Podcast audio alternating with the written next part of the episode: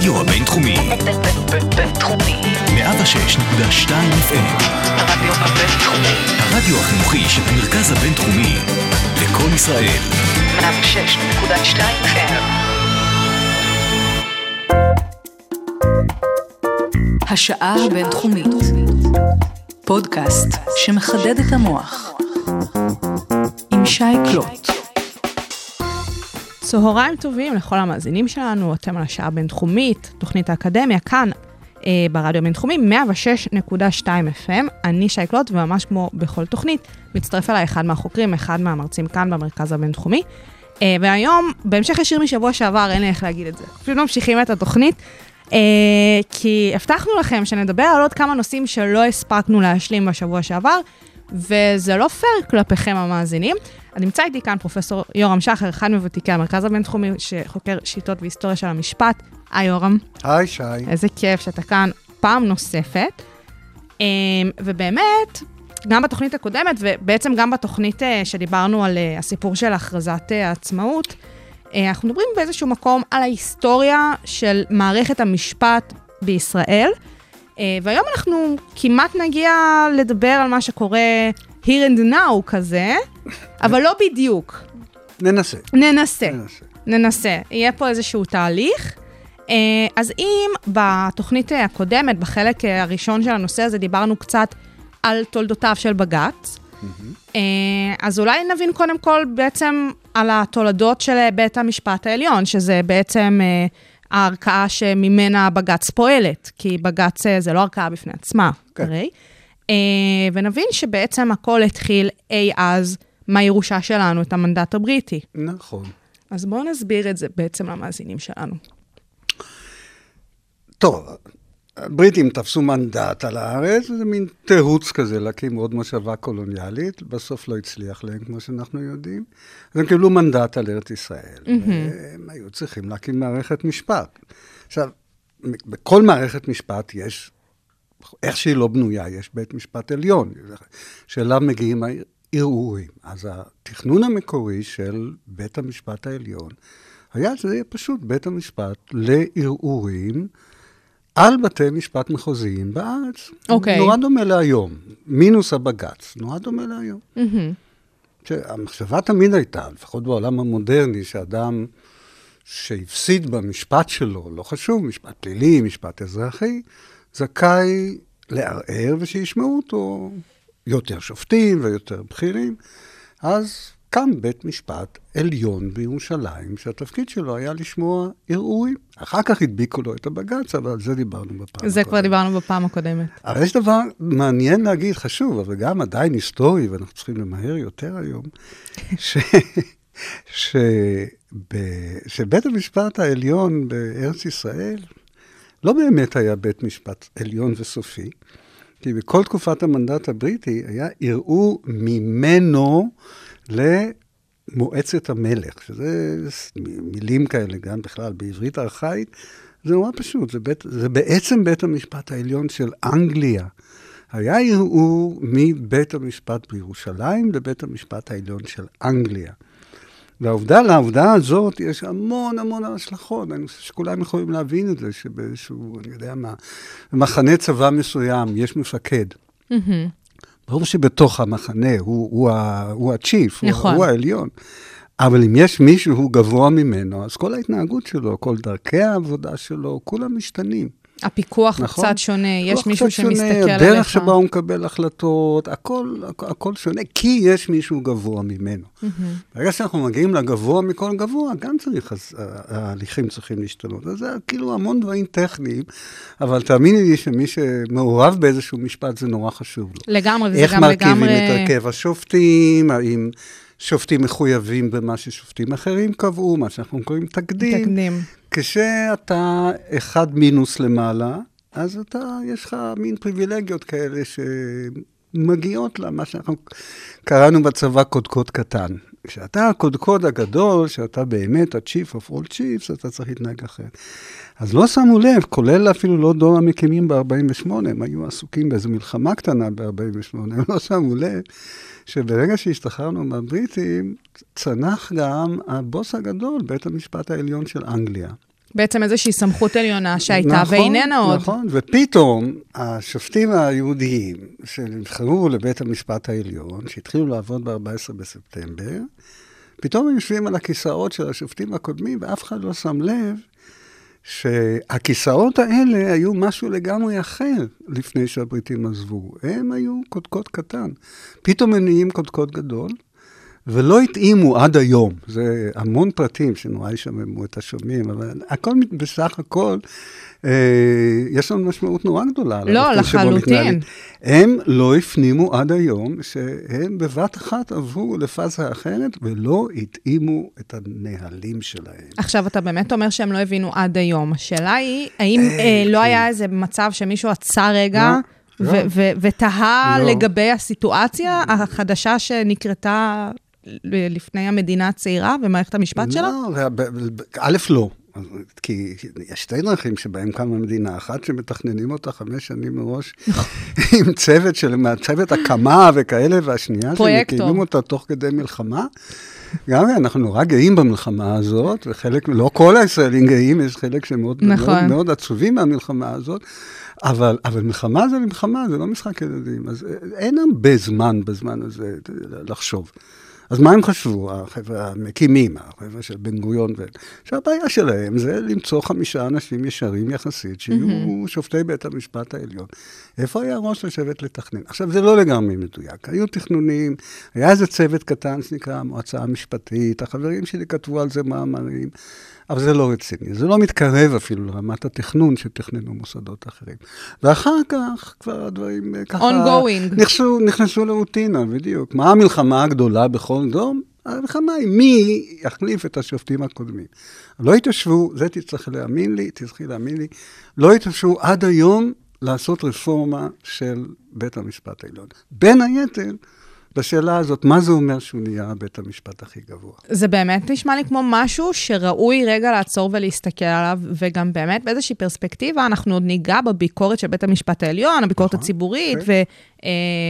ומשבר אמון כזה או אחר שאולי קיים או לא קיים אה, בציבוריות הישראלית. זה נראה לי כמו איזה משהו שבאיזשהו מקום יכול אה, להוות עוד טיעון של המתנגדים. מצידי זה יכול להיות טיעון של המתנגדים, בתנאי שהם יעשו את העבודה כמו שצריך, ויפסיקו לקשקש על ימין ועל שמאל ועל רחביה והחברים מרחביה, ויש כיפה על הראש, אין כיפה על הראש. כל זמן שהם תקועים בנושאים האלה, שאני בטוח שהם נורא חשובים להם, נורא מעניינים אותם, אז הם גם לא יצליחו לעשות את מה שהם באמת רוצים לעשות. אני מצידי שהמתנגדים לפחות יעשו את זה כמו שצריך, יעשו את זה מקצועית. גם אם זה האויב, שילמדו את האויב. אני חושב שכל איש עסקים וכל גנרל יודע שכשהוא רוצה להשיג מטרה, רוצה לכבוש יעד, הוא צריך להכיר אותה. התחושה שלי היא שכל המתנגדים, כולל כמה שרים מאוד מוכשרים שהיו לנו בשנים האחרונות, וההתנגדות שלהם הייתה מאוד קולנית, פשוט מרוב כעס לא למדו, את ה, לא למדו את האויב, לא למדו איך לעשות את הדברים באמת, והם הולכים עם הראש בקיר. אז לא הייתי יועץ להם, ואני לא מתכוון לייעץ להם. אולי הם ישמעו את השעה הזאת והחליטו לפעול אחרת, כן. או להשתמש אחרת בטיעונים כן, שלהם. כן, מאמר בדיחה יהודית עתיקה, עליי אין להם מה לסמוך. יש אחרים שילמדו אותם, אבל יש המון שאפשר לשנות ולתקן, ולא בהכרח מעמדה של התנגדות, אבל אם מתנגדים, אז לפחות שיעשו את זה נכון. ביקורת זה דבר שהוא כמעט תמיד חיובי, וכמובן אה, נכון. אה, לחלוטין, אה, כשמכירים את המטריה, זה תמיד תמיד אה, מוסיף. ובאמת, בתחילת דרכו, ואפילו באיזשהו מובן עד היום, אנחנו הרשנו המון מהמשפט האנגלי, בעצם מהמודל נכון. של המשפט האנגלי, לגמרי. ובאיזה אופן זה בא לידי ביטוי. זה בא לידי ביטוי למשל ב... אני- אני אני שואל את עצמי, להעמיס כינויים, ננסה. השיטה שבה אנחנו מנהלים משפטים, המשפט הוא לא, אפשר לנהל אותו ככה, אפשר... שיטה, אנחנו ירשנו מהבריטים שיטה שקרויה אדברסרית, וזה לא במקרה, אדברסריות זה לעומתיות. שיטת המשפט האדברסרית היא שיטה שמאמינה שמלחמה בין צדדים יכולה להביא באופן הכי טוב לגילוי האמת. אבל זאת לא השיטה היחידה לגלות את האמת. זאת שיטה אחת, מין שיטה ניוטונית כזאת.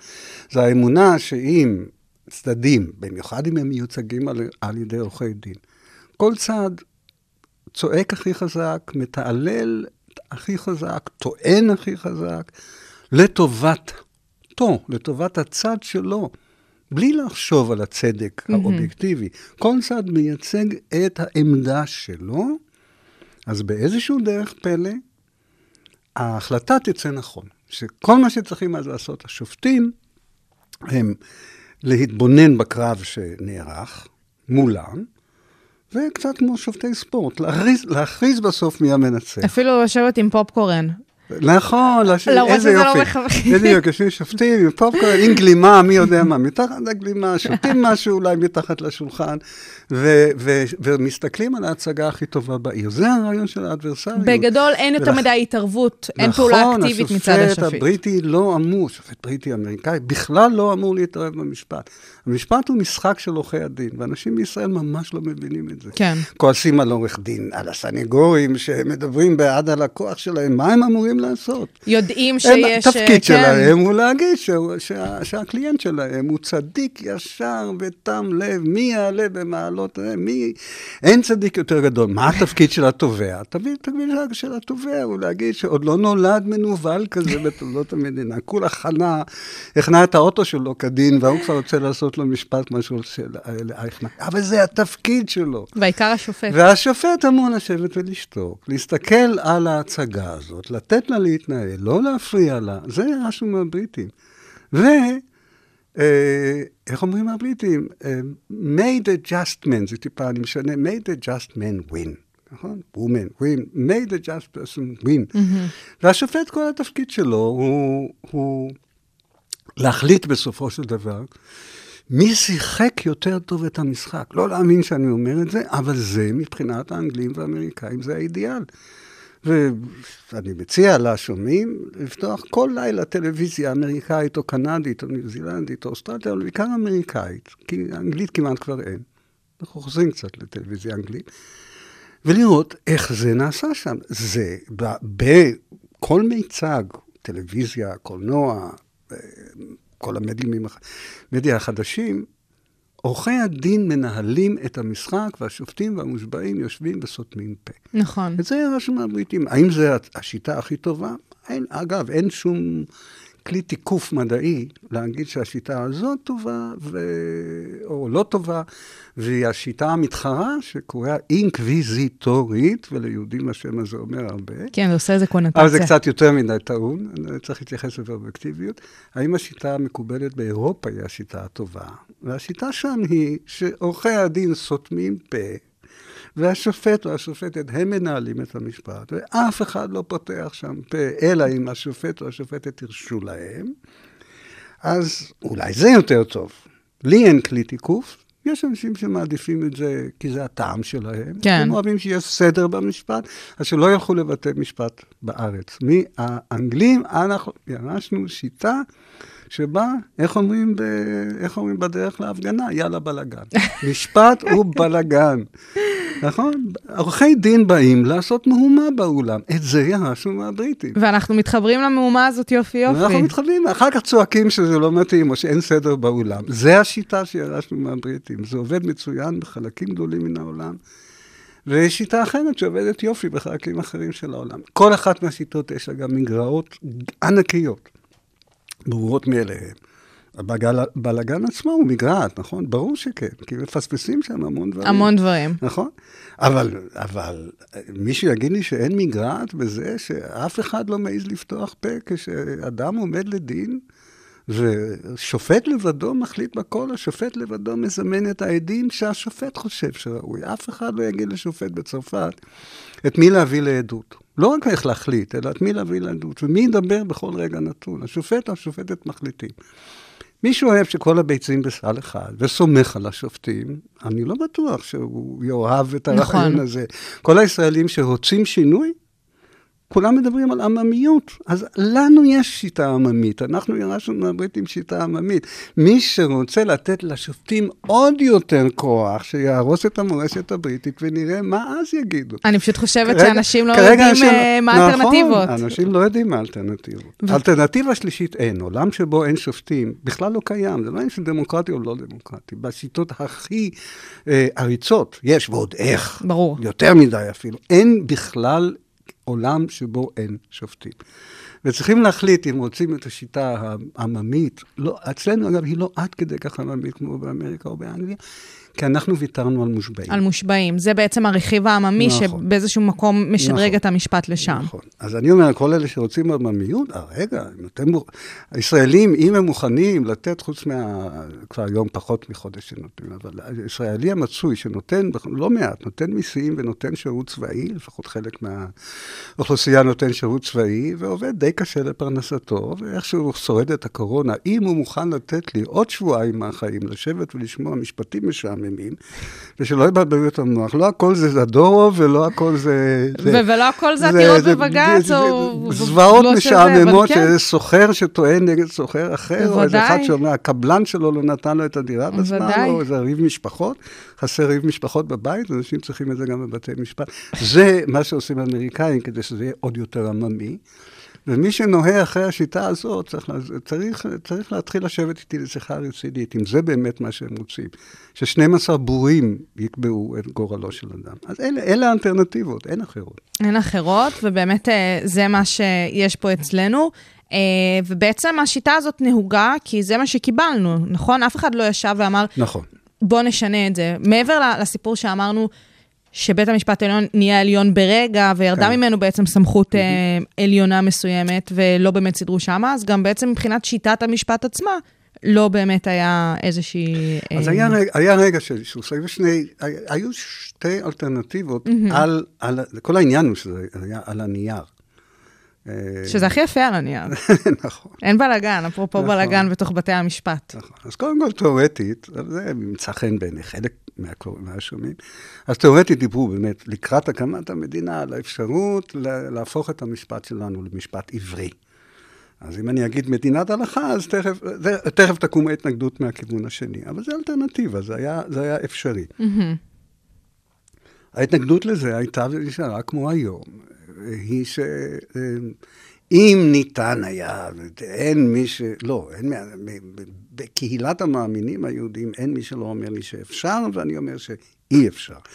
אילו אפשר היה להפריד את אה, השיטה המשפטית היהודית מהצד האמוני-דתי שלה, אז יש על מה לדבר. אבל כולם יודעים שזה לא ניתן, ובכל מקרה גם אם זה ניתן זה לא יקרה. לכן היה ברור מהרגע הראשון שזאת עסקת חבילה, שאם יקבלו את שיטת המשפט היהודית המסורתית, זה יבוא יחד עם מדינת הלכה. עם זה הצד לא, האמוני. זה, עם הצד האמוני, זה לא, זה לא... אז לכן זה, זה היה נחמד מאוד על הנייר, וליומיים דיברו על זה, והרבנים הראשיים אה, צעקו וכעסו וכולי, וזה ירד מהפרק.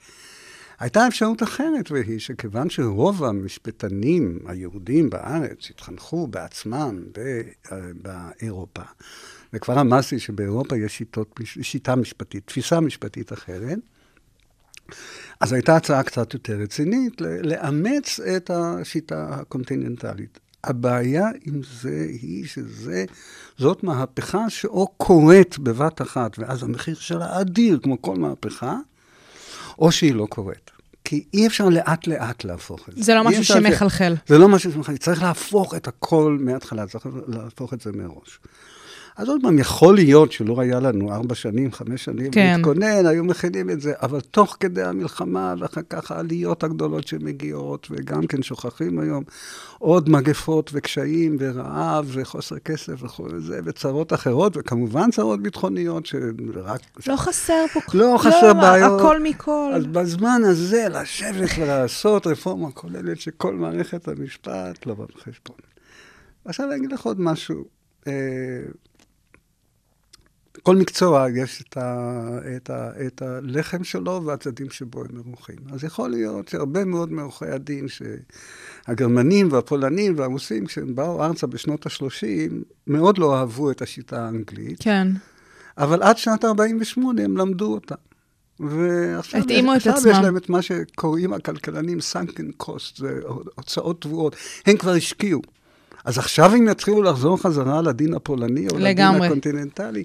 אז האמת היא שההתנגדות הכי גדולה לקונטיננטליזציה, מילה ארוכה של המשפט, באה מעורכי הדין, בדיוק היקים והפולנים, שכבר התרגלו? די, כבר, נו, הם כבר... מה, נלך אחורה? הם כבר, הם כבר הוציאו אלפי, אלפי, איך קראו לזה? אז לירות, על לקנות ספריות באנגלית, הם כבר הצליחו לדבר אנגלית במבטא רוסי כבד, הם כבר למדו פסקי דין אנגליים.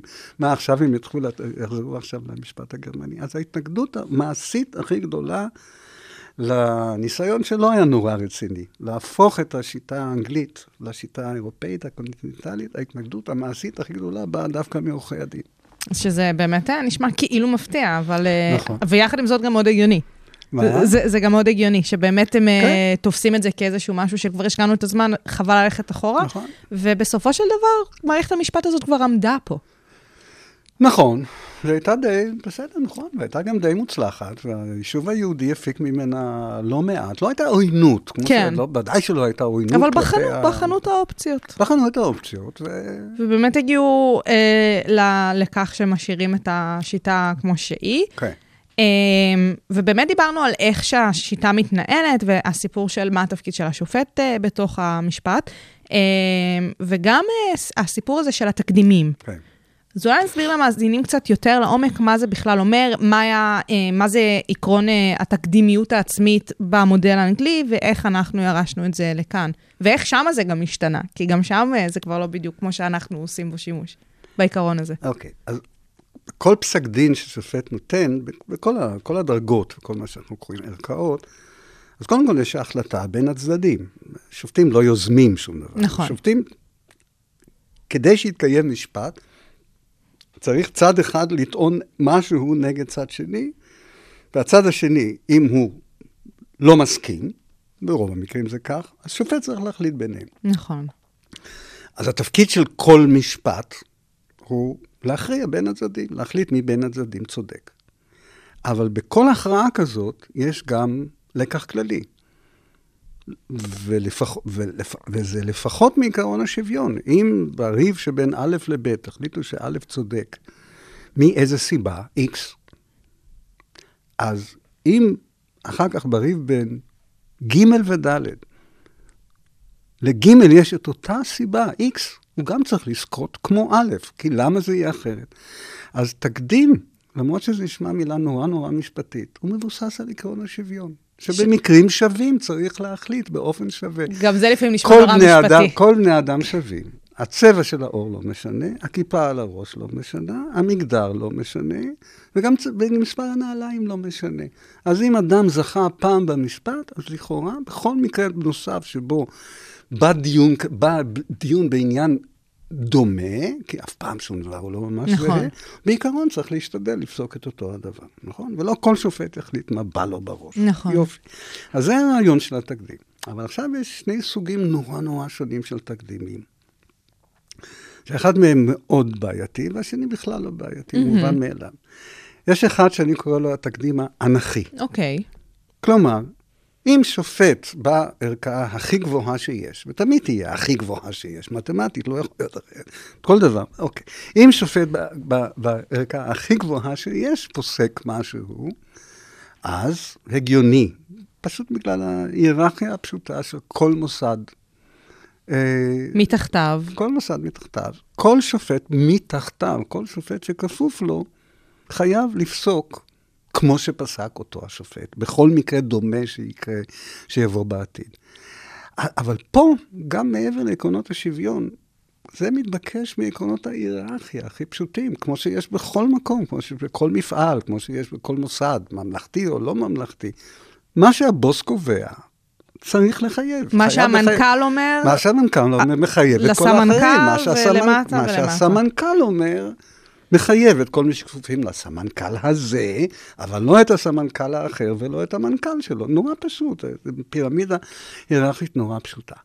השאלה מתחילה להיות מעניינת רק במקום אחר, שבאמת נתון למחלוקת כל השנים, והיא לא תיפתר המחלוקת הזאת. השאלה היא האם בית המשפט הגבוה ביותר, בית המשפט העליון. מרגע שהוא פסק משהו, זה מחייב גם אותו, אותו. מוסדית. עכשיו, בואו נפרק את זה, כיוון שבני אדם כבני אדם, בדרך כלל, מרגע שהם אמרו משהו, בין אם הם שופטים ובין אם הם... כל אדם, את ואני, לא נוטים לשנות את דעתם. נכון, לרוב. זה בדרך כלל בא מאותה בעיקר הבטן, בגילאים נכון? מסוימים. גם בגילאים מסוימים, אבל זה גם, אנחנו יכולים לחשוב כמה שנרצה שכל החלטה שלנו בחיים היא חדשה והיא באה מאיזה שהן תעצומות נפש. ההחלטה שלנו מורכבת מבית אבא שלנו והגנטיקה שלנו, וכנראה נעשה מחרתיים את מה שעשינו היום, גם אם אנחנו לא נורא שמרנים, כי זה מה שאנחנו. נכון, זה בכלל לא משפטי, אז זה טיפשי טבע האדם. לצפות ששופט ספציפי בבית המשפט העליון, מחר יפסוק אחרת משהוא פסק אתמול. לא הגיוני. אבל בית המשפט שלנו, ושוב, זה מתקשר למה, למה שרמזתי לו לפני רבע שעה. מפני שלא נערכו למיצובו החדש כבית משפט עליון. התחילו מהרגע הראשון לעבוד בו, בבית המשפט העליון, בהרכבים. הרכב פירושו קבוצה של שופטים מתוך המכלול. אז אם יש, אז היו חמישה שופטים, והם היו יוצרים הרכבים חדשים מדי יום, אז כמה אפשרויות יש? עשר? נדמה לי, פעם ספרתי, לא יותר. נכון? שלושה זה שם- נשאיר חמישה למתמטיקאים, אנשים, יורם. מתמטיקאים, זה... אה, לפחות נכון.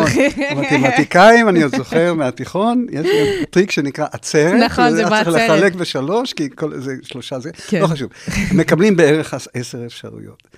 תחשבי רגע שהיום יש 15 שופטים, אני חושב שעשיתי לאחרונה את החשבון, יש בכל בוקר 1,370 פלוס מינוס אפשרויות. שמי שיש לו עט ביד יעשה מהר. מהר, את מהר, ה-15 מהר. עצרת לחלק לשלוש. אה, אז זה בערך 1,300 אפשרויות. כל בוקר להרכיב הרכבים שונים. שההבדל בין אה, קום המדינה לעכשיו זה שעכשיו יש מחשב נ- שבוחר את ההרכבים האלה. ככה אומרים לנו. כך אומרים, עם ככה אומרים לנו. זה לא, לא נבדק עד הסוף. וגם כשאומרים את זה, אומרים לא תמיד. נכון. כשהרכבים גדולים, מעבר לשלושה, אז זה לא המחשב נכון. פועל, זה אפשרים אחרים. והדברים החשובים באמת לציבור, בדרך כלל קמים או נופלים בהרכבים יותר גדולים. אז זה גם הסיפורים על המחשב, הם קצת סיפורים של תועלת, ולא כל כך סיפורים של... אוקיי, אז... אנחנו גם ניגע בזה. חכה. שיש הרכבים, אז השאלה הגדולה, גם מבחינה מעשית, אבל כמובן מבחינת המיצוב של בית המשפט, בעיצוב הנורמות שלנו, כלומר, הכוח האמיתי של בית המשפט לקבוע את ה... הישר והראוי והטוב בחיים שלנו, mm-hmm. הוא תלוי בעמדה שלהם לגבי התקדימיות העצמית שלהם. נתרגם את זה למילים פשוטות. שלושה שופטים, סתם שלושה מחמישה עשר, בבוקר יום נתון, נתקלים בבעיה מסוימת ופוסקים א', פוסקים X, פוסקים מה שהם פוסקים. נניח שבעוד ארבעה ימים, במקרה, שלושה אחרת מתוך אותו בית משפט, אחרת לחלוטין, אחרת כל השלושה. לחלוטין, נכון. מבתי אבא שונים, אחד מרחביה, השני לא מרחביה. אני משחק את המשחק המקובל. אחד קצת ימני, אחד קצת שמאלי. אחד אישה, אחד גבר. אחד מזרחי ואחד... שלושה אחרת לגמרי. באים לשבת על אותה סוגיה. אם מקובל עליהם, או מכוח החוק, או מכוח המנהג הפנימי שלהם, שמרגע ששלושה אחת קבעה מה שקבעה, כל שלושה אחרת מה-1,300 פלוס שיכולה להיות, היא מחויבת, לפחות לשנים, אולי לא לעד, היא מחויבת במה שקבעה השלושה הראשונה. זה עולם שונה לגמרי מהמצב שהיה מתקבל אילו כל בוקר אזרח, או יותר גרוע, שר היה יכול לשלוח נציגים לבית המשפט העליון, לבחון מחדש את העמדה בכל סוגיה שעולה על הדעת. זה היה יכול להיות מאוד מעניין. זה היה נותן לעשירים ולבעלי הכוח את השליטה המלאה בעולמנו. כי עוד לא נולדה שלשה שאם היא יכולה לפסוק לגמרי חופשי ממה שפסקה כל שלושה אחרת, תפסוק בדיוק את אותו הדבר.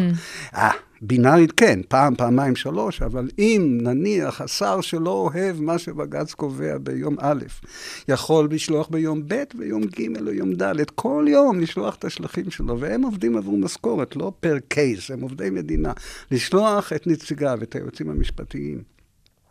כדי לנסות להשיג פסק שיותר נוח לו, או אילי ההון היו יכולים לעשות את זה, או סתם ידוענים בעלי השפעה, לא היה סוף לחיינו. אז יש יתרונות עצומים בתקדימיות עצמית, יש חסרונות עצומים בתקדימיות עצמית. אחת הבעיות שמפריעות לי היא שכמו שאמרנו קודם, כשרוצים לעשות רפורמה, למשל של מערכת המשפט, חושבים רק על הכיפה ורק על השמאל והימין, ולא על השאלה העקרונית הזאת. כוחו של בית המשפט העליון בדורות האחרונים נגזר מהמחויבות הכמעט מלאה שלהם, למרות השוני העצום האישי ביניהם, בינם לבין עצמם, המחויבות הכמעט מלאה שלהם לתקדימיות העצמית. זה נותן להם כוח עצום, ולכן שופטים שייתכן שלא מסכימים עם עמדה מסוימת. כיוון שכל כל קיומם, כל ידוענותם, במובנים רבים, כל כבודם, נגזר מהחברות שלהם בבית המשפט העליון. סוף סוף הם הגיעו לשם, הם בני חמישים והגיעו לעליון. הם שם, הם כבר לא במשקע של השר שמינה אותם, הם כבר בבית המשפט העליון. הנאמנות שלהם אחד לשני, שקוראים להם בשפה משפטית פשוטה, תקדימיות, היא כוח עצום. אי אפשר לבקע את החומה הזאת, משום הלכידות העצומה שהם מגלים אלה כלפי אלה. וזאת גם באמת איזושהי קרקע פוריה לביקורת, שאנחנו כל כך אה, יודעים שקיימת כלפי בית המשפט העליון, וגם כמו שאמרת, באיזושהי מידה, אם את התקדמ, התקדימיות שהצגת אה, ראשונה, האנכית, כן. אי אפשר להתווכח איתה. אי אפשר, זה לא, זה לא יעבוד אחרת. אוקיי. אז את התקדימיות העצמית זה משהו שכן... התקדימיות העצמית אה, אפשר לשנות. אפשר לעשות עוד המון דברים שעוד לא התחילו לדבר עליהם אפילו, זאת אומרת שכל הזמן עוסקים בבית המשפט העליון ולא מגיעים לרגע לדברים האמיתיים. הנה עוד הצעה. אין, הנה עוד תובנה, שאני חושב שהציבור צריך לדעת אותה, אני בעד לשמוע. גם, אולי גם השרים הממונים. אולי נכון? אני, אולי אפילו אני. את בטח. אין בית משפט עליון בעולם שיושב בהרכבים מזדמנים. חזור, אין. זאת, אז לכן הבעיות לגבי בית המשפט, או היתרונות, אני חושב שבית המשפט הזה נפלא ויש לו רק יתרונות, אבל זו דעה אישית שלי. הבעיות שנוגעות לבית המשפט הזה הן הרבה יותר מרתקות, הרבה יותר גדולות והרבה יותר מעניינות מאשר, מאשר אלה שמדברים עליהן. תראי, בית המשפט העליון הפדרלי, זה שכל, עליו מסתכל כל העולם. כן. עליו מסתכל כל העולם. ושימי לב כמה נשיאים, כמה משקיעים נשיאים באמריקה, כולל אחד שרגע לפני ההסתלקות שלו מהתפקיד, השקיע את שארית האנרגיה שלו במינוי שופטת לבית נכון. המשפט העליון, זה כמובן טראמפ. אה, בית המשפט העליון באמריקה, כל מבנה העבודה שלו, כל מבנה הכוח שלו שונה, משום שהוא מורכב מתשעה שופטים, וכל תשעה השופטים יושבים, יושבים בכל יחד. משפט. איך אפשר להשוות את זה בכלל לבית המשפט העליון שלנו? לא, לא, ברגע שזה למשל- מבנית שונה, זה שונה גם מהותית. אין ספק. הנה למשל, בבית המשפט העליון שלנו, נניח ששרה מסוימת השיגה במאמצים עצומים מינויו של שופט שנאמן עליה. כמובן שהיא תכחיש, וכמובן שהיא תגיד שהוא כשיר וכדומה וכדומה, אבל כולם יודעים שהוא נאמן עליה. כששופט כזה נעלם בתוך 15 שופטים, ואפשר להרכיב אותו להרכב, ואפשר לא להרכיב אותו להרכב. המחשב יכול יום אחד לעבוד ככה, ויום אחד... לא לעבוד בכלל. בכלל עובר איזה, קצת איזשהו ניקוי מחדש של הכונן, ומי יודע מה קורה, נכון? אוקיי. בארצות הברית, מרגע שאדם הכניס, שנשיא השיג מינויו של שופט נאמן לעמדתו, אז במיוחד בבית משפט שבו הדעות אף פעם לא מקוטבות, והן תמיד נופלות על חודו של קול, זה בית המשפט העליון. חודו של קול לא במקרה זה מספר פרדי, נכון. זה לא זוגי, זה תשעה שופטים, מתוך הנחה שרוב ההנח... ההחלטות הגדולות מתקבלות, לא יכולות להתקבל פה אחד, או רק על דעתו, מפני שזה טבע הדברים שמובאים לבתי משפט גבוהים. מביאים לשם דברים קונטרוברסליים, לא מביאים לשם דברים שהתשובה להם כבר ברורה מראש. נכון. נכון? אז טבעי שדברים ייפלו על חודו של קול. אז תעשי חשבון פשוט. מהרגע ששופ... שנשיא מסוים הצליח להכניס אחד או שני שופטים קרובים לדעותיו, זאת מהפכה כמעט. זאת מהפכה, משום שמספיק שנהפך הרוב ולא צריך יותר. ואת אף אחד לא מעניין אם זה פה אחד או לא. חוגגים ברחובות, הימין יחגוג ברחובות כל החלטה ימנית שהתקבלה אפילו על חודו של קול. כל מה שצריך לעשות זה להחליף את רות באדר גינזבורג, אשת השמאל המצוינת בעיניי לפחות אישית, אבל מעולה ביותר, צריך להחליף אותה בשופטת ימנית, והעסק גמור. לא, זה שכעסו עליה שהיא מתה אז ולא... מי שרוצה להשפיע על בית המשפט העליון, אולי בכלל יתחיל ממקום אחר, לא מוועדת המינויים, אלא מחקיקה שתשנה את דרכי קבלת ההחלטות בבית המשפט העליון. אז אה, אם באמת יש אה, מאזינים שיכולים אה, לשנות סדרי דין, בבקשה. יש להם פה טיפ. יש להם פה טיפ ממש כאן מהשעה הזאתי. עד עכשיו היו כבר עשרה. זהו, יש כן? פה טיפ נוסף, זה מה שבאתי להגיד, אני חושבת שכבר אפשר למנות מספר, אז זה לגמרי עוד אחת אה, לאוסף, אה, וכמו שאמרנו בהתחלה, כל עוד עושים שימוש נכון בביקורת, אז אולי אפשר גם להגיע לאנשהו, ולא סתם לבקר. אה, ויש גם עניין עם הסיפור הזה של תקדימים אה, אה, והעיקרון הזה, כי במאמר שלך, שלקוח בעצם מנאום שנאמת באוניברסיטת בר אילן, נכון, אז ממש דיברת על הסיפור של ציטוטים של שופטי בית המשפט את עצמם. כן, שזה במידה מסוימת קשור לתקדימים גם. כן. שזה, הבאת שם כמה נתונים מאוד מאוד מעניינים. התופעה הזאת, את ההרצאה ההיא בבר אילן, אה, נסעתי לפני די הרבה שנים, התופעה הזאת טיפה השתנתה. אמ, גם מפני שגדל בינתיים מאוד מספר השופטים בבית המשפט העליון. נכון, זה בהחלט משפיע אבל בסופו של דבר. היו לנו תקופות שבהן שופטים, אכן שופטים מובילים, אה, בדרך כלל מזכירים את השופט ברק, אבל היו שופטים לא פחות גדולים ממנו, או גדולים בערך כמוהו, וגם הם ביססו במידה רבה את היוריספרודנציה שלהם, את, ה, את עולם ההלכות שלהם, על תשתיות שהם בנו בעצמם בתקדימים קודמים, ולפעמים אפילו במה שאנחנו קוראים בעולם המקצועי שלנו, אמרות אגב או פסקי מחלוקת. לפעמים זה הכי נוח. נכון. כשאתה יודע שתהיה דעת מיעוט. במיעוט, או כשאתה... אה, כשהשאלה היא לא באותו הרגע השאלה המכרעת, אז אם אתה שופט פיקח שרואה קדימה, אתה זורק איזושהי הערת אגב. אגב, אומר השופט. דרך אגב, רציתי רק להגיד משהו. זורעים את עליי. הזרע. אל תכעסו עליי, זה לא חשוב כרגע, אבל רציתי להגיד משהו. אף אחד לא יכול למנוע את זה, אף אחד לא יכול למנוע משופט לכתוב משהו. אז הם שותלים מהערת אגב כאן, הם חולקים באיזשהו רגע שבו הם יודעים שהם יפסידו. גם זה רגע מאוד נוח, כל מי שעשה פעם עסקים, הוא או שהיה אפילו כוח, שלפעמים להיות במיעוט זה, זה המקום הכי טוב, כי לא מסתכלים עליך. אבל אם אפשר להשתמש בזה חמש שנים, עשר שנים לאחר מכן, זה מצוין. אז נכון, הייתה, במידה מעטה ביותר נשארה היום, היו שנים שבהם הייתה פרקטיקה כזאת, ששופטים מובילים, נבונים, שראו למרחוק את החזון שלהם, בנו בצורה מסודרת את ה... את, התק, את, ה, את הל- את התקדים. ההלכות שלהם. את ההלכות שלהם את הבסיסים עצמם. ההלכתיים שלהם.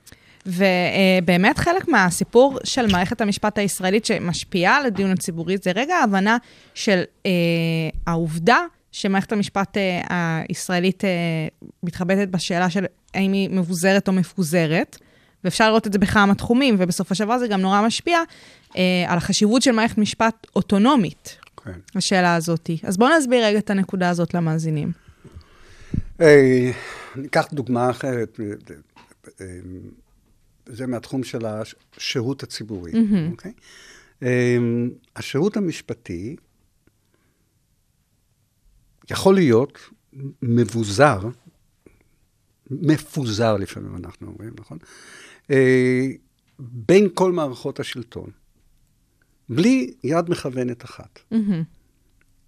האלטרנטיבה האחרת היא שכל המשפטנים בשירות הציבור, כל היועצים המשפטיים של כל משרדי הממשלה ושל כל הגופים הממשלתיים, שלמרות ההפרטות שאוהבים לדבר עליהם, זה עדיין חלק עצום של המשק. אז האלטרנטיבה האחרת היא שכולם יהיו בעצם כפופים לאיזשהו גורם מרכזי אחד.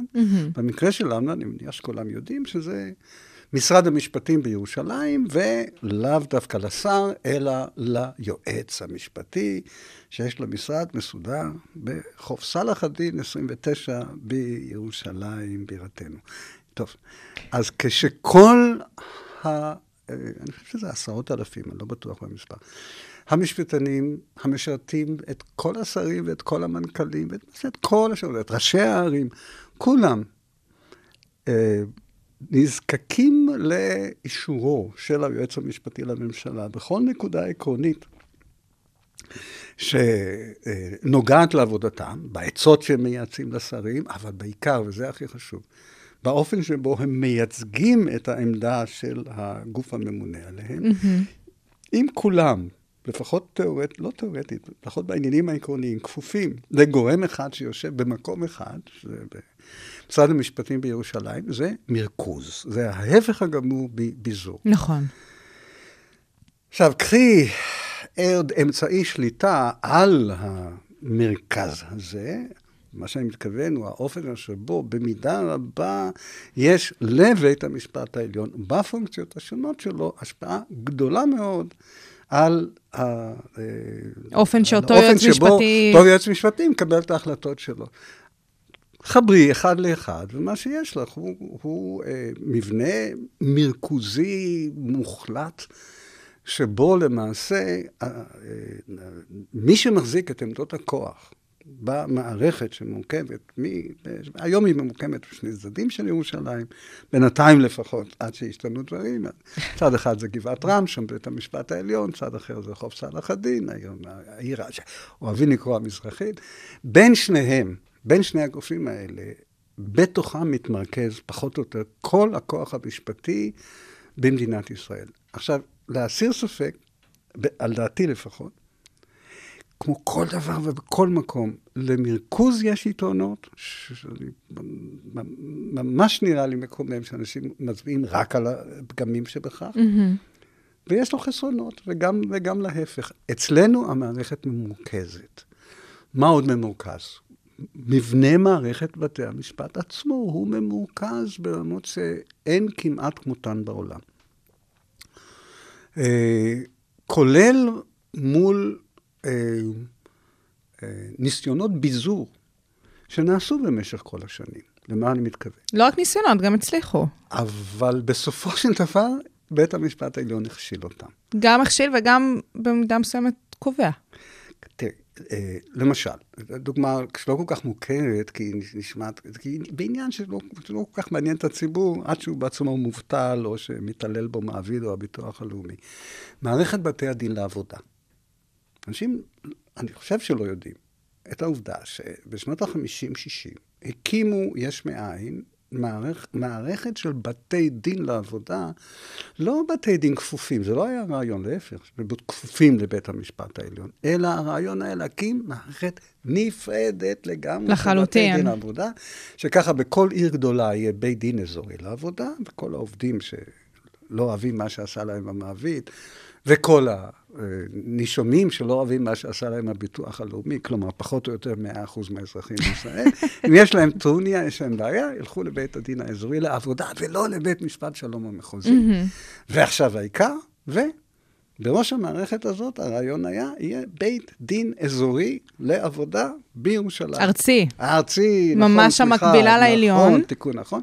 ארצי בירושלים. והרעיון היה, שאם בכלל תהיה נגיעה של בית המשפט העליון בבית הדין הארצי לעבודה, זה יהיה רק על חששות של חריגה מסמכות. ישמור האל אם בית הדין לעבודה כלשהו, אני לא יודע מה, יפסוק גירושין, או יוציא לה, או יפסוק שצריכים להוציא להורג למישהו, אז צריך להיות איזשהו גוף שיפוטי שיגיד, חרגתם מסמכותכם. ליישר טיפה אבל את ה... הרעיון היה שבעניינים של, הנה עכשיו, מזל טוב, אתמול נחתם הסכם הנמלים, זה העסיק מאוד את בית הדין לעבודה.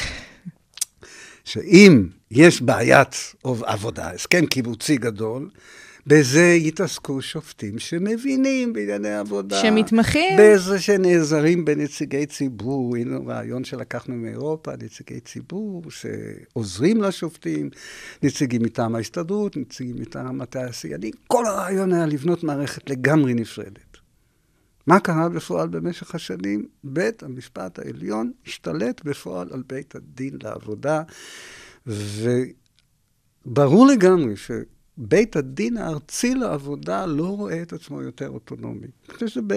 לא רואה את עצמו יותר אוטונומי לפסוק משום שבית המשפט העליון הפעיל את הסמכות הבג"צית שלו, לא רק כדי לפקח על סמכות בית הדין הארצי לעבודה, אלא גם נכנס להחלטות שלו. לקרביים שלו בעצם. העין שלו, הוא קיבל את ההחלטות בעצמו. והדוגמה הכי מפורסמת, אני חושב, דוגמה מפוארת כשלעצמה, אבל היא דוגמה שמדגימה נהדר. כל הקהילה הלהט"בית וכל חורשי הטוב בארץ, כולם מאושרים מפסק דין שניתן על ידי, כולם חושבים, בית המשפט העליון, בראשות השופט אהרן ברק, השתתפותה של השופטת דורנר, שמאוד אוהבים לאהוב אותה. עוד שופט אחד שלישי, יעקב קדמי. בעניינו של דיין של אל על, שנקרא היה דנילוביץ', ושהוא רצה שבן זוגו, שאינו בת זוגו, הוא יקבל הטבות בגינו, כאילו זו הייתה בת זוג, אוקיי? בית המשפט העליון פסק לטובתו בבג"ץ. והנה, תשאלי שי, מה לסכסוך עבודה בבית הדין הגבוה לצדק? לגמרי. זה, זה, נכון, זה, אל על זה גוף פרטי, אה, דנילוביץ' הוא אדם פרטי, מה יש לחפש בבית הדין הגבוה לצדק שאמור לעסוק בשאלות ציבוריות? אז התשובה המביכה היא שזה, בהליך הזה, התנהלו משפטים בבית הדין, בבתי הדין לעבודה, לכתחילה בדרג האזורי, ואחר כך ניתן פסק דין בבית הדין הארצי לעבודה, על ידי חבורת, ממש חבורת צמרת, קבוצת זהב של שבעה שופטים בבית הדין הארצי לעבודה. הרכב מורחב. של, הרכב מורחב, שלושה שופטים מקצועיים הכי טובים שהיו, לא יודע, בתולדות, אבל באותה עת, שופטים מצוינים ומנוסים, ותיקים של בית הדין הארצי לעבודה. עם עוד ארבעה נציגי ציבור ממש. נבחרת זהב, היו, היו בה אנשים שבינתיים נפטרו, אבל חתני פרס ישראל, אחר כך. אי אפשר להתווכח אובייקטיבית. פרופסור בן ישראל מתחום, מתחום דיני העבודה, רמי פרידמן, פרופסור אברהם פרידמן מהתחום של יחסי עבודה, מנכ"ל גדול אחד ועוד, כולם ישבו יחד ופסקו פסק מופלא ביותר לטובתו של דנילוביץ', שלדעתי אותו היה צריך ללמוד וללמד, ואותו היה צריך לחגוג. ואם רצו לצאת ברחובות ולרקוד, וצריך היה לרקוד על, על ההישג הזה, זה היה בגלל שפסקו בבית הדין הארצי לעבודה. מה קורה תוך שבועות ספורים? אל על מגישה בג"ץ, על מה בג"ץ? בג"ץ נגד בית הדין בית הדין לעבודה. כאילו מה? מה, מה, במה הוא חרג בסמכותו? התשובה המביכה היא שכשבית המשפט העליון פוסק לטובתו של לא, דנילוביץ', הוא אפילו לא טורח להגיד מה עילת ההתערבות שלו בבית הדין הארצי לעבודה. קודם כל הוא מסכים איתו. מה שיש אז מזה הוא שלושה פסקי דין שאני מוכרח להגיד שיחסית הם לגמרי בינוניים. אחד של השופט ברק, באמת נהדר, אחד של השופטת דורנר, באמת נהדר, אחד של השופט קדמי, שלטעמי הוא פחות נהדר, כי הוא מסביר לנו את החלטתו בכך שבתורה כתוב שאדם, זכר ונקבה ברא אותם. אני פחות אוהב את הנימוק הזה בעולם המודרני, אבל שלושה פסקי הדין האלה בסדר גמור. אבל אבל הם לא היו צריכים להיפסק בבית הדין לעבודה, בבית, הד... בבית המשפט העליון, הם היו צריכים להיגמר בבית הדין הארצי לעבודה, והכל היה מופלא ונהדר אז. מאז, בית הדין הארצי לעבודה כמעט לא מרים את הכפפה. את השאלות העקרוניות באמת, הוא איבד הרבה מהיצירתיות שלו. הוא עושה דברים מופלאים ביותר. הוא למשל באמת עושה עבודה מופלאה מאחורי הקלעים בפתרון בעיית הנמלים עכשיו. אה, נעשית שם עבודה מופלאה, אבל לא יוצאים משם פסקי דין גדולים. הבג"ץ השתיק, בית המשפט העליון שיתק את הרוח שלו. אותו הדבר קרו, אבל אני אנסה את זה בקצרה, לעוד מערכות רבות אחרות שהיו אמורות להיות אוטונומיות. למשל, בתי הדין הצבאיים. שזה בכלל אה, כביכול אה, פקודות אה, צה"ליות ולא חוקים בספר החוקים הישראלי, על פניו. צה"ל התנגד עם קום המדינה, עם הקמתו של צה"ל, צה"ל רצה אוטונומיה מוחלטת לשיפוט. אבל אל תביאו לי את המשפטנים לכאן. צה"ל לא צריך להתנהל ב- על, על פי אמות מידה משפטיות. לא ניהלנו כך את ההגנה, הם אומרים, לא ניהלנו כך את האצ"ל, לא ניהלנו כאן את הפלמ"ח, לא ניתן למשפטנים להשתלט עלינו. נעשתה אז, בשנות ה-50, פשרה מאוד מדויקת. הפשרה אומרת, בצבא יהיה שיפוט צבאי אוטונומי לחיילים. תהיה מערכת שיפוט צבאית. יהיו שם שופטים שלמדו משפטים, אבל הם ילבשו מדים והם יהיו כפופים אה, פיקודית למפקד ש, שנמצא מעליהם. נוסף לזה, כמו בבית הדין לעבודה, אמרו, ויהיו לידם גם קצינים לא משפטנים. מקצועיים. שייעצו להם וינווטו אותם לדרך הנכונה כשתעלנה שאלות מבצעיות, מפני שלא כל שופט צבאי, שאפילו למד באוניברסיטה הכי טובה למשפטים, לא בהכרח ישב על צריח של טנק, ולא בהכרח, ודאי לא הוביל גייסות, אז אולי אה, צריך... לה... זאת הייתה הפשרה, והרעיון היה שזה תהיה, שזאת תהיה מערכת אוטונומית.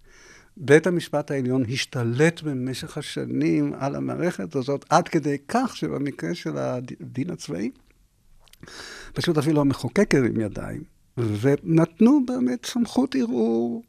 לבג"ץ אה, סמכות ול- לבית המשפט העליון. לבית המשפט העליון. ומי של, מי ש... מי. כל זה נשמע לו נורא תיאורטי, בבקשה יזכור שאלאור עזריה הרים ידיים והפסיק לעשות רעש כשהתברר לו שהשלב הבא עלול להיות בית המשפט העליון. והוא הבין ששם הוא גם עלול עוד להפסיד ולא רק להרוויח, ולכן אה, הושתק עניינו והפסיקו להיות הפגנות שם בכל, בכל הזה. אז הנה, מי שאוהב את מה שקרה לליאור עזריה, אולי מאוד צריך לסמוך על כך שבית המשפט העליון יושב כצל גדול מאוד על מערכת השיפוט הצבאית, ומי שלא אוהב את זה, מי שלא אוהב מה שקרה לליאור עזריה, גם כאן צריך להבין שבסופו של דבר הדברים נפלו כמו שהם נפלו, מתוך, איך לומר, תחת הצל המאוד מאוד כבד של שופטי בית המשפט העליון.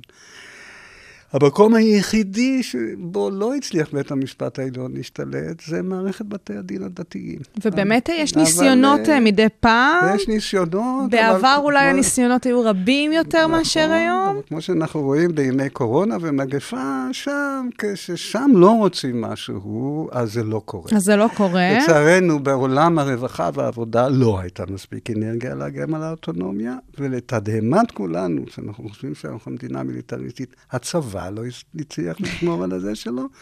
הקהילה הדתית, ובעיקר החרדית, הצליחה, גם הצליחה לשמור את האוטונומיה שלה, וזה הרשות השיפוטית היחידה שבג"ץ, שבית המשפט העליון לא הצליח להשתלט עליו. בתי דין הרבניים. על הדרך הרוויחו מזה גם הרבה בתי דין אחרים שהם לא יהודיים, אבל זה התופעה הזאת. הדין האישי, הדין ובאמת, האישי, אה, התופעה הזאת שולית בחיינו. כן. גם חייהם של מוסלמים, חיי המשפחה של מוסלמים נשלטים על ידי הקאדים שלהם, ולא כולם שלהם. אוהבים את זה, אבל יחסית. זו תופעה שולית. כך יצא. אבל כך יצא. נכון. ואם באמת אה, אה, אנחנו מדברים לאורך כל השעה הזאת אה, על הסיפור הזה של אה, האנשים שיושבים בהרכבים, והסיפור של התקדימים העצמיים, והזכרת מקודם את הסיפור הזה שבסופו של דבר אה, שום דבר לא יצליח לשנות, אה, לשופט את הדעה שלו, בין היתר מתוך מערך אה, כן, אה, הערכים שאיתו הוא מגיע. כן. ואז אי אפשר להתעלם מהעובדה שבבית המשפט העליון אמור להיות איזשהו ייצוג של כלל האוכלוסייה בישראל, כן. אה, כמו שרוצים אולי לחשוב שאמור להיות גם בבית המחוקקים שלנו ובעוד כל מיני נכון. מקומות ציבוריים. אה, ואז אמרנו, בבית המשפט העליון יש אה, 15 שופטים בסך הכל. כן. האם יש שם כיסאות? האם יש כיסאות שמורים לכל אחד מ- מ- מסוגי האוכלוסייה? כן, לטוב או לרע יש כיסאות. בינתיים זה, יש ארבעה כיסאות, אוקיי, תכף נדבר עליהם, ואם התופעה הזאת תימשך, אז אני חוזה שאם כבר, לאוכלוסיית תפסה, קהל, אנשים פעילים, חורשי טוב, יהיו מודעים לכך שיש כיסאות וזה לא ישתנה, אז אני מניח שבשלב הבא ירצו שיהיו עוד יותר כיסאות. עוד כי אה, סגנונות של אם כיסאות. יש כיסא אחד לזה ואחד לזה ואחד לזה, אז למה זה שעכשיו עדיין אין לו כיסא? לא יקבל גם למשל, כן המכוערים, ייצוג? למה למכוערים שלא תהיה- לא יהיה כיסא? בטח. כולם יפים שם בבית המשפט העליון, למה זה צריך להיות ככה? למה למכוערים אין, אין ייצוג? זהו, אז יש כיסאות. היתר. יש כיסאות וזה זה, זה כמעט רשמי, זה לא, זה לא כתוב. בכל החקיקה שנוגעת למינוי שופטים, אבל יש כיסאות. יש כיסא דתי, יש כיסא מזרחי, יש כיסא נשי ויש כיסא ערבי. מה זה כיסא? זה בעצם אפליה מתקנת, זה מקום שמור. זאת הבעיה של כיסא, שהוא בלשון יחיד. לפחות מקום אחד, זה מה שצריך להגיד. לפחות מקום אחד שמור לכל אחד מן המגזרים האלה, לכל אחד מארבעה האלה.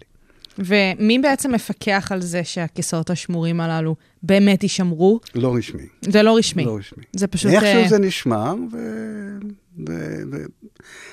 עכשיו, חלק מהכיסאות האלה, איך לומר, נש, נשחקים מאהבה, נשחקים לטובה. מה שאני מתכוון להגיד בזה, הוא שבחלק מהמקרים, ולצערי לא בכולם, מה שהתחיל ככיסא, אפליה מתקנת שהבטיחה שלפחות אחד יהיה מקבוצה מסוימת, הצליח כל כך, לא, אולי בזכות, אבל לא, ודאי לא רק בזכות המינוי הזה, mm-hmm. עד שבמשך השנים, יותר ויותר מבני אותה קבוצה נכנסו לבית המשפט העליון, ויום אחד הפסיקו לשים לב לזה. למשל, הכיסא הנשי הוא בדיוק כזה.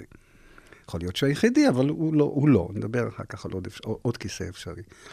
אז כשמונתה האישה הראשונה לבית המשפט העליון בשנות ה-60, זאת השופטת מרים בן פורת, מי יכול לעלות על הדעת? זה בסך הכל כמה שנים אחרי שעורכי הדין של ירושלים הלכו בתהלוכה בירושלים במחאה הם לא רצו, לא העזו להגיד שעל כך שאישה מונתה להיות נשיאת בית המשפט המחוזי בירושלים, אבל לכולם היה ברור שזה מה שמרגיז אותם, שאישה חלילה. לא יודעת את מקומה, נכון? חלילה. והיא נעשית שופטת, נשיאת בית הדין, נשיאת בית המשפט המחוזי. הם לא ידעו מה יקרה בשנות האלפיים. אז בתנאים האלה, כאשר מאז קום המדינה, עד אמצע שנות ה-60, באמת כל השופטים היו גברים, אה, זה היה סנסציה. מרים בן פורת, שופטת של בית המשפט העליון. מה שבינתיים קרה, זה שכמעט לא מסתכלים על, ה, על השאלה הזאת במינויים.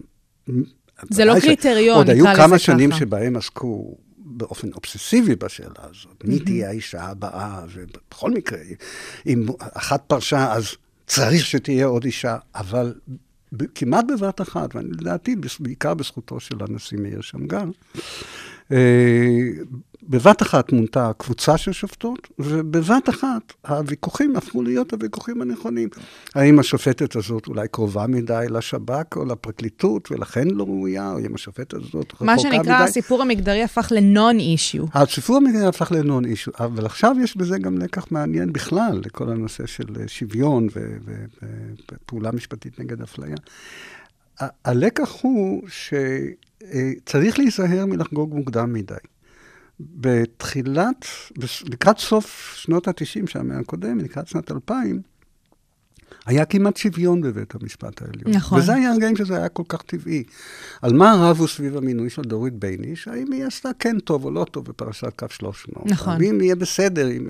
אלה היו השאלות. בכלל אף אחד לא שאל אז מה המקדם שלה. ואותו דבר שאלו לגבי שופטות אה, נוספות. שאלו אם הן מוכשרות לזה, ולא הייתה שאלה לגבי מגדרן. ואני חושב שחגגו מוקדם מדי. כי היום המצב פחות טוב. נכון. אני חושב שזה יפתיע רבים, כי אנחנו נורא בטוחים שאנחנו צועדים קדימה בכל התחומים, המגדרי והלהט"בי והכל, וזה לא בדיוק.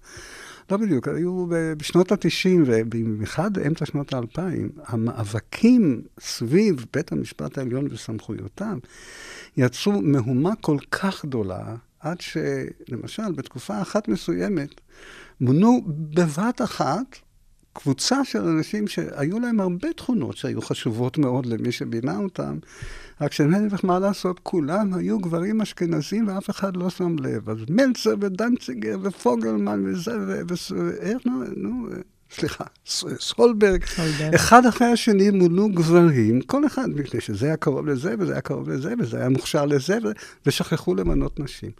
אחר כך עשו איזה מהלך תיקון, שמתחיל בעיקר עם השופטת הנערצת אה, דפנה, דפנה ברק ארז, והדברים משתנים קצת לאט, והיום שוב לא כל כך מדברים על זה, אבל זה לקח מעניין, שיכול להיות שצריך להפסיק, צריך להוריד את העוצמה של דיבורים בקשר לכיסאות, כי יש משהו פוגע בתפיסה לפי, למשל, נשים צריכות טובה כדי שימנו אותן, הן צריכות שהגברים יואילו בטובם למנות, להפקיד עבורם כיסא, שזה בהרבה מועצות מנהלים עדיין האיש הוא היום.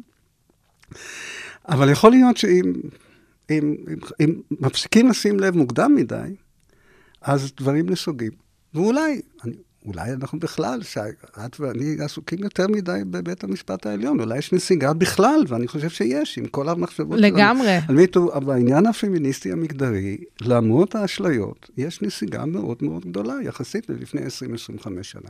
בית המשפט לא מנותק מן העולם. ובאמת... אז זה, המג, זה הכיסא המגדרי. זה הכיסא, הכיסא המגדרי. המגדרי. ובאמת, אה, אה, אולי לפני שנמשיך לדבר אה, על אה, כיסאות אחרים, או לא יודעת אם אנחנו בכלל נספיק, אני אומרת את זה אוקיי, כבר עכשיו, אוקיי. אה, נסביר בכלל את הסיפור הזה, את ההבדל שבין הייצוג והשיקוף, כי כן. זה משהו שמבחינתך חשוב רגע לשים על זה... לי את חשוב, ה- לי את ה- חשוב, אבל זה יכול להיות, אבל לפרט את זה יכול להיות מאוד קונטרוברסלי, אבל אין דבר, אנחנו לא, ילדים אנחנו. לא ו- מפחדים. שום- לא. אנחנו לא מפחדים. לא להיות מפחדים פה. בשעה הזאת. אז אוקיי. אני חושב שצריך לחשוב הרבה יותר לעומק על השאלות. אה, שאלת לפעמים הכיסא. קוראים להם ייצוג ולפעמים קוראים להם שיקוף, ולפעמים להם- לפעמים קוראים להם, אה, לפעמים קוראים להם כיסא. וכשנתפנה מריבים פחות חשובים בעיניי, אז אולי... מה אני מתכוון? אני מתכוון שאנחנו צריכים לנסח לעצמנו תשובה לשאלה למה אנחנו, מה אנחנו רוצים להשיג בזה? מה, מה, מה, למה זה נכון לעשות? ואני אני משתמש בביטויים ייצוג ושיקוף קצת אחרת ממה שנהוג, ולכן זה לפעמים קצת מבלבל. פשוט אין לי חשק להמציא מילה חדשה בעברית. אתה לא חייב. ייצוג, אני קורא למצב שבו לקבוצה של אנשים, לא חשוב מה מלכד אותם, אחרת. ארץ מוצא. כן, לא ג'ינג'ים. חשוב, כן, ג'ינג'ים. לקבוצה של אנשים יש כתנאי, אני מציב את זה כתנאי לייצוג, שמלכתחילה לקבוצה הזאת יש חבילה הומוגנית, יציבה, של דעות על העולם. מהמם. והיא גדולה מספיק, זה לא דעה על דבר אחד מסוים, האם זמר אחד או זמר יותר חשוב מהזמר האחר, או מי צריך לזכות באח הגדול. יש להם חבילה של דעות על משהו. אהה. אז אם למשל אומרים שלאנשים יש בסך הכל ראיית עולם שונה בהרבה דברים, לא רק בשאלות של משפחה ועבירות מין וכולי, יש גישה נשית לעולם. אני לא יודע אם זה נכון, אבל אם זה נכון, אז זאת חבילה שיכולה להיות בהחלט אה, בסיס לייצוג, אוקיי? אני קורא לחבילה הזאת, גם בשם מאוד מקובל, קול, בקוף, קול, voice. בכלל מקובל לדבר ככה, בעיקר באמריקה. אז אם לקבוצה של אנשים או נשים יש voice, יש להם עמדות מגובשות על העולם, אז אני קורא לניסיון להביא את הדעות האלה אל, למשל, בית המשפט העליון, אבל זה יכול להיות גם בכל גוף אחר שמקבל החלטות. אני קורא לזה ייצוג. מהמם. ייצוג הוא ייצוג של קול, אוקיי? עכשיו, אם מחליטים שזה מה שאנחנו רוצים לעשות, אז אנחנו צריכים לשבת באומץ ולברר מהו הקול, כמה הוא רחב, כמה הוא יציב, אולי כמה, במידה מסוימת מה לתת החלקים שבו נתונים. שאנחנו רוצים בכלל. עכשיו, כשאנחנו מדברים על הקול הנשי, אני חושב שלא עברנו שום קונטרוברסיה ולא עברנו שום בעיה. אבל אם אני אשאל את השאלה באופן שאלה אחרת, לגבי כיסאות אחרים, נתחיל למשל מהקול המזרחי, נכון? יש לנו הרבה מאוד דיונים בשאלה הנוגעת לאפליית מזרחים. נכון. בכל התהליכים, בכל הדורות, בכל הזמנים. אוקיי, וייתכן שהיא עדיין מתקיימת. אוקיי, אז אנחנו רוצים שופט מזרחי. אם אנחנו רוצים שהוא או היא, למה הוא, ייצגו, אנחנו צריכים לשבת באומץ לעשות את מה שכולנו לא עושים, כולל אנשים נורא כועסים שמדברים היום על הצורך ברפורמה של התרבות בכלל שלנו, לפחות פתיחתה. לעסוק בשאלה מהו הקול המזרחי. מה העמדה הטיפוסית, האופיינית לאנשים מזרחיים על שאלות חשובות לעולמנו. להגיד שיש להם עמדה בשאלות מסוימות וצרות, למשל, של שיכון ציבורי, כן או לא, או זה, זה פשוט מדי. אבל השאלה היא האם יש קול מזרחי, כולל, שהוא חבילה גדולה של דעות על העולם. מהמם. אולי סוג של מתינות שאין בקול המערבי, אולי סוג של שמרנות שאין בקול המערבי, אולי מסורת יותר מאשר דת, אולי יש קול מזרחי מוצק, משותף לכל קהילות המשנה המזרחיות. יציב, לא כזה שמשתנה כל שבועיים. אבל צריך לבדוק את אנחנו, זה. אנחנו ממנים שופטים ל-20-30 שנה, עד גיל 70, והלוואי שנמשיך את הגיל הזה. אז, אז צריך לברר מהו הקול המזרחי, ועכשיו לעשות עוד דבר, ולמצוא אז מבין בני אותה קהילה, למשל המזרחית, את אלה שמייצגים את הקול הזה, ולא מתחפשים לקולות אחרים, לא אומרים קולות אחרים, לא במילים פשוטות השתכנזו או נעשו דברים אחרים. אין טעם בקול מזרחי, אין טעם לייצג את הקול המזרחי, אם מי שאמור לייצג אותו, לא מייצג אותו. לא באמת מייצג אותו. אוקיי, זה התפקיד שלו או שלה. אותו דבר לגבי הקול הדתי. זה יכול לגרור, שוב, כמו ש...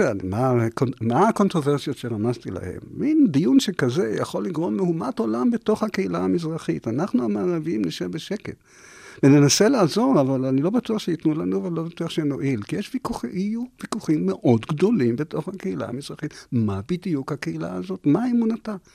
אותו דבר בקהילה הדתית. בקהילה הדתית יש הרבה פלגים, יש נכון. הרבה עמדות, ולפעמים הפל... ההתפלגות בקהילה הדתית הרבה יותר אלימה, משום שהדברים חשובים להם ולנו לחילויים לא. אז ההבדל בין חרדות, חרדלות ומפדלות הוא בעולם הדתי הבדל עצום. עכשיו, מה הקהילה הדתית רוצה? חלק בקהילה הדתית היום למשל רוצה, רוצה, רוצה, שאנשים ילמדו תורה. אה, אם נשים לא ילמדו תורה, הם לא יוכלו להיות שופטות עליונות. נניח, סתם אני עכשיו זורק עוד נושא. בש... כן, קצת... אבל. אחרים לא מסכימים לזה, ואחרים לא רק שלא מסכימים, הם מתנגדים לזה. אז יכול להיות שחלק יצאו מחוץ למחנה וייוצג קול דתי. אבל השאלה הגדולה מאוד היא מה הקול הדתי הזה אומר, האם בכלל יש קול דתי מלוכד? ועכשיו אני אוסיף עוד שאלה, זה נשמע קצת אקדמי, אבל נראה לי שזה נורא שייך לחיי היום-יום שלנו. השאלה היא כמה גדול הקול הזה. עכשיו אני אגיד משהו שנשמע כל לעג, אבל, אבל אני חושב שצריך לחשוב עליו. לא, ברור, אני לחלוטין במשפט מבינה מאיפה אתה אנחנו לא מביא את זה. עוסקים רק בשאלות הרות הגורל, אם גדר ההפרדה צריכה לזוז עשרה מטר ימינה או שמאלה, או מותר לנו לה, או לא מותר לנו להרוג מחבלים. לא עוסקים רק, השאלות הן גם למשל, האם סעיף 105 לפקודת מס הכנסה שירשנו מהבריטים, אה, בהגדרה שהוא מגדיר את ההבדל, אין, אין לי מושג מה אני מדבר עכשיו, בין הון ומלאי, אז מה שמחזיק, אני לא יודע מה שזה, בזמן ש... האם זה הון או מלאי ואיך הם עשו את זה? מה בדיוק העמדה הדתית לגבי זה? מה העמדה המזרחית לגבי זה? מה העמדה הנשית לגבי זה? מה העמדה הערבית לגבי זה? מה לאדם ערבי יש מיוחד לתרום ל-99? עכשיו, עכשיו אני מקצין, אבל לא הרבה. 99% מהדברים שמעסיקים את כל בתי המשפט, כולל את בית המשפט העליון. אנשים שומעים רק את הדברים המאוד מאוד אה, מעניינים, קונטרוברסליים וכדומה, אבל שאלה גדולה, האם יש קול מזרחי בענייני דיני נזיקין, דיני משפחה, דיני ירושה, דיני צוואות, דיני קניין, ההבדל מחכירה ושכירות, וההבדל בין שכירות לשאלה, וההבדל בין שאלה ומתנה, וההבדל בין מתנה לזה. מה הקול המזרחי יש להגיד בזה? אז זאת עוד שאלה רצינית, שאולי אנחנו צריכים להחליט לתת כיסא רק למי שיש להם חבילה גדולה מאוד של דעות כמעט על הכל, כי אחרת זה בזבוז. שזה מייצג ולא משקף נכון, רק, זה לא משקף. ולא רק פשוט נכון. נמצאים שם כי הם uh, כאלה. שיקוף זה משהו לגמרי אחר, ואני חושב שרוב האנשים שמדברים על כיסאות, או בכלל על... על, על מדברים על השיקוף. תיקוני עוול, מדברים בעצם על שיקוף. כי הם והם לא בור- מבינים מה זה לכן הם בורחים מהשאלה. הגדולה. שיקוף הוא דבר יותר פשוט, אני אציג אותו ב- כ- כחלק מחוויה אנושית. גדל ילד אה, שנולד להורים מזרחיים, שרואים. את עצמם כמזרחיים. בהתחלה הוא לא רואה את ההבדל בינו ובין העולם, יום אחד קורה הנס שצריך לקרות לכולנו, הוא מתחיל לראות שהעולם, הוא, הוא אחד והעולם הוא אחר. הוא מתחיל לראות אנשים מסביבו, והוא רואה איפה... מתישהו זה קורה. והוא רואה איפה אנשים ממוצבים. לא טוב שילד מזרחי יגדל כאשר הוא רואה שכל, ה... נשתמש שוב פעם במגדריות בעייתית, שכל המורים שלו הם... אה, אה, אשכנזים. אה, אה, הם אשכנזים, או עוד יותר גרוע, כל המורים שלו הם... כל המורים הזוטרים שלו הם אשכנזים, והמורים הזוטרים שלו הם מזרחיים, וה- והשרתים הם מזרחיים, אבל המנהל והמפקח של משרד החינוך הם אשכנזים, אשכנזים. והשר בטח לא טוב, מפני שזה מגדל ילד נכה. גם לעצמו וגם לחברה, הילד הזה לא יגדל טוב, הוא יגדל עם רגשי נחיתות שיתרגמו בסופו של דבר גם לכעס, אבל זה כבר הצד ההפוך של אותו הדבר. לא טוב, לא בריא, למה, למה, ש- לא טוב שזה יקרה. אז היה מצוין. שכל אדם יראה את עצמו משתקף במוסדות השלטון, במקומות החשובים שבהם מתקבלות החלטות חשובות. איפה שיש כסף, איפה שיש כוח, איפה שיש החלטות מוסריות. טוב שכל אדם יראה את דמותו משתקפת, כי אחרת הוא יגדל רע.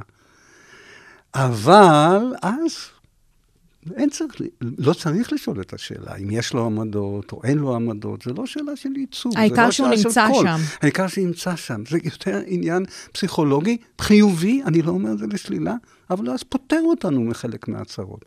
אבל אז, שי, באות לנו צרות מסוג לגמרי אחר.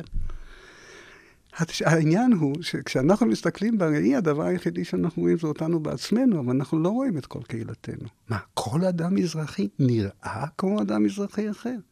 כל אישה נראית כמו אישה, כל אישה אחרת? כל ערבי נראה כמו כל ערבי אחר? אז אם הרעיון הוא שנסתכל בנראי ונראה את עצמנו, אז שי, מה אנחנו צריכים לעשות? ועכשיו שוב, אני נכנס ממש לשדה מוקשים, אבל אני מה עושה את זה? זה... זה גם כמעט פילוסופי את זה כבר. מלב, לא, אבל זה כל כך אמיתי, זה מלב טוב בכל מקרה. אם אנחנו בוחרים שופט מזרחי, לא למען הקול המזרחי, שאת זה יכול לעשות גם שופט אשכנזי, מה זה משנה? אם יש קול אשכנזי, ילמדו אותנו מה הוא, ו- וייצגו אותו, מי שצריכים לייצג אותו. ייצוג זה כמעט כמו עריכת דין. אבל אם אנחנו רוצים שופט מזרחי שישקף את הזהות המזרחית, ישק, לא ייצג, ישקף אותה. אז אנחנו צריכים לפחות לדאוג שאותו שופט ייראה. הרעיון הוא שיקוף, לא מה שיש בראש ובשכל ובלב, אלא הצורה. שישקף, וזה סיפור לגמרי אחר. נכון. אבל זה לא מספיק, מפני שמי שמשתקף בראי צריך להיות גאה במה שמשתקף שם. אז אם למשל מתמנה לבית המשפט העליון, לכיסא המזרחי, שופט, שנראה כמו הדוד הפולני שלי, ומתנהג כמו הדוד הפולני שלי, אז מה עשינו ועוד בזה יותר בעצם? גרוע מזה, הוא עברת את שמו, בזמן שאחיו לא מעברתים את שמם. לפעמים על ידי כן להוסיף או לא להוסיף א'. מזוז אפשר לכתוב באלף, והרבה מיוצאי משפחת מזוז כתבו את שמם וכותבים את שמם עם א', ויש שופט אחד של בית המשפט העליון שלא כותב אותו באלף. יש אחדים במשפחה, משפחה אה, אה, אה, מורחבת של השופט אלרון שיושב בבית המשפט העליון, שקוראים לעצמם בשם המקורי שבא מבי, מבית הוריהם, ומשגשגים מצוין בחיפה ובמקומות אחרים בזכות השם הזה. השופט אלרון בחר לעברת את שמו. ודאי שזה טוב שאדם מעברת את שמו, אבל אם מכל האפשרויות לבחור, האם לא יותר טוב לקחת דווקא שופט ששמר את שם אביו? קחי למשל את השופט שהזכרנו אותו בהקשר אחר, והיה אפילו מנהל בית הספר שלנו. השופט יעקב קדמי, שם שמו שבו הוא נולד, שמו שנתן לו אביו, היה יעקב מזרחי. ככל שאני יודע, מזרח וקדם הם שניהם שם מילים עבריות. נכון. אם השופט יעקב מזרחי, כשהוא בוגר בית הספר למשפטים, המחזור המפואר הגדול הראשון שב- של האוניברסיטה העברית בירושלים, כשהוא עומד בתחילת הקריירה שלו, הוא מרגיש, אולי בצדק, שעם שם כמו יעקב מזרחי הוא לא יגיע רחוק, והוא מחליף את שמו לקדמי, לא ברור שזהו האדם שהיינו רוצים למנות אותו, שישקף. לשקף, לייצג, הוא יכול יותר טוב מכולנו ביחד. והוא באמת עשה את זה מצוין, אבל לא, ליד, אבל לא לשקף. אז למשל, לו הייתי אה, אה, אה, מבקש דוגמה מצוינת לשיקוף וייצוג גם יחד, אז אני הייתי מזכיר דווקא שמו של שופט שנשכח לחלוטין מלב, וזה שמו של השופט אברהם חלימה. מישהו זוכר את השופט? חבל שלא. אברהם חלימה, שופט של בית המשפט העליון, שהמשיך לדבר בחטא והמשיך לדבר בעין, ושמר את שמו חלימה, ומניסיון אישי אני, אני מספר לך, שלא חדל לספר בת- בתפארתה של בגדד, שממנה הוא בא, ואת תפארתה המשפטית, לא רק, הוא בא לספר איזה, איך נעשה דין בבגדד כמו שצריך. ו... ובהחלט הייתה לו ביקורת על הדין של קרקוב או של פולניה, והוא בהחלט גם ייצג וגם שיקף את הקול ואת הזהות המזרחית, והיו אחריו שופטים כמו אדמונד לוי ואחרים ששימרו את אותה המסורת. מה שאני מתכוון להגיד בזה, אף מילה אחת לגופו של העניין, אלא רק להגיד, צריכים, אם רוצים כיסא, צריך להחליט מה רוצים בזה. אם רוצים לשקף, שיביאו אדם שבאמת משקף, או אישה שבאמת משקפת. שופט שמתבייש בכיפה שלו והופך אותה למין כזה, מין אה, בול. נחמד. בול זעיר כזה, על, על, על, על הראש הקרח מאחורנית, לי מותר כי אני קרח, שהוא לא בדיוק בהכרח האדם הנכון לשקף את הזהות הדתית, מפני שזה משדר טיפה איזושהי רתיעה מן הזהות הזאת. אולי דווקא היה עדיף שופט ששם כיפה ענקית על הראש, ואולי אפילו כזאת עם רקמה על הראש, שיהיה ביחד שיקוף גם למזרחיות וגם לדתיות. מעניין. נכון? בהחלט מעניין. ואישה, אם אישה היא כבר דתית שם, שתשים שביס על הראש, כמו שצריך. לגמרי. נכון? אישה דתייה צריכה לשים שביס. ובמידה מסוימת ייצוג ושיקוף יחדיו, זה אולי נכון. איזשהו אידיאל. ייצוג ושיקוף יחדיו זה אידיאל, זה אבל אידיאל, העולם אף ונראה, פעם... נכון, ונראה אם זה יקרה. נכון. אני לא מוותרת לך. טוב. אני רוצה לדעת מה בעיניך הולכים להיות אה, הכיסאות הבאים בבית המשפט העליון. אוקיי, אה, אם, אם, אם, עד עכשיו לא רבו איתי... בקצרה. בקצרה. בקצרה. לא, לא, הנה, למה, למה לא יהיה שם כיסא להט"בי? להט"בי לחלוטין, אני איתך. שמה על השולחן זהות מאוד מוגדרת, מאוד ברורה, ודורשת הרבה דרישות מוצדקות, וגם כדרכה של כל קהילה כאלה שהן לא מוצדקות, וזה בסדר גמור. אז, אז, אז למה שלא יהיה? למה צריך להסתיר את הזהות? למה שרים מסוימים אנחנו צריכים לנחל בחדרי חדרים, שישימו על השולחן, ושידרשו דרישה, דרישה לייצוג? יש שופטים להט"בים? בוודאי. אולי זה לא מספיק, אולי אנחנו צריכים לייצר, לייצר, אה, לייצר כיסא עבור שופטים להט"בים. לאט לאט בערכאות יעלו. ושופט אתיופי, יוצא אתיופיה. שופט אתיופי, הנה, את יודעת נקודה מאוד חשובה, נכון? קהילות משנה מתוך... אז זה אולי, אז הנה, כבר נכנסנו לקונטרוברסיה. קהילה מאוד חדשה, יחסית זה אה, שופט- לקום המדינה וכדומה, אי אפשר להתעלם מהעובדה הזאת, שבסופו נכון. של דבר הם עלו בשלב מסוים. נכון, זה אולי שופט רוסי, ואולי, הנה, כדי שתראי כמה זה... סליחה, השופט אהרן ברק, הוא לא יוצא ברית המועצות? או, אם- ואני אומרת את זה בתור בת לאבא ליטאי גם כן. לא, לא, לא, בשביל לעשות את זה... אצלנו בבית יש ייצוג. המינימום שצריך לעשות את זה הוא שני דברים שעושה השופט אלכס שטיין הרבה יותר טוב מהשופט אהרן לגמרי. לגמרי. א', לשחק שח בר- ברמה של אומן בינלאומי, ושנית, לדבר עדיין במבטא רוסי ולא להתבייש בו, למרות שהוא כמעט דור שני בארץ. אז לדבר במבטא רוסי בבקשה. אם אכן, וזה יוכחש כמובן על ידי השופט שטיין, שיגיד שהוא נבחר בזכות הפטריוטיות המצוינת, ובמיוחד הכישרון המשפטי המעולה שלו. שמצא חן בעיני שרה שמינתה אותו, אז יכול להיות. אבל למה לא? יכול להיות שצריך כיסא רוסי. אבל יש לי הצעה עוד יותר מנתקת. נו, שיהיה כיסא לכל קהילה שהיא חדשה, כי הקהילה הרוסית כבר יותר מדי מעורה, אז אולי כבר לא מגיע לכיסא. אז להיות. שיהיה כיסא פנוי, עכשיו, עכשיו זה כבר מתחיל להיראות כמו לעג, אבל אני בכל זאת... רעיון, משחקים אותו הזאת אני, ברעיון. אני, מעלה, אני מעלה שאלות עכשיו מאוד חשובות על שאלת הייצוג. לגמרי. אם הרעיון הוא שקהילה ש... אה, אה, קהילה שקיימת, שיש לה, נ- כמו נ- שאמרת, נתח... נפג... שנפגעת כתוצאה מכך שהיא מגיעה מאוחר וההגמוניה משתלטת עליה. למה לחכות 50 שנה? הקהילה הבאה הנרדפת שתגיע בכל מקום בארץ, נשמור לה מקום בבית המשפט העליון, כך שמי שירד מהמטוס, אפילו עוד לא יודע עברית ולא למד בבית ספר משפט... ישראלי למשפטים, כיוון שאנחנו רוצים את... למגר את האפליה מוקדם ככל האפשר, מיד ברדיעתו מהמטוס, כיסא אחד, נעלה אולי למטוס אפילו ונשאל מי מוכן להיות שופט של בית המשפט העליון, כי שמור שם מקום. אז אפשר אולי לא להעלות עניין את זה פשוט, כהצעה. לא עניין פשוט לא, העניין. לא, לא עניין פשוט.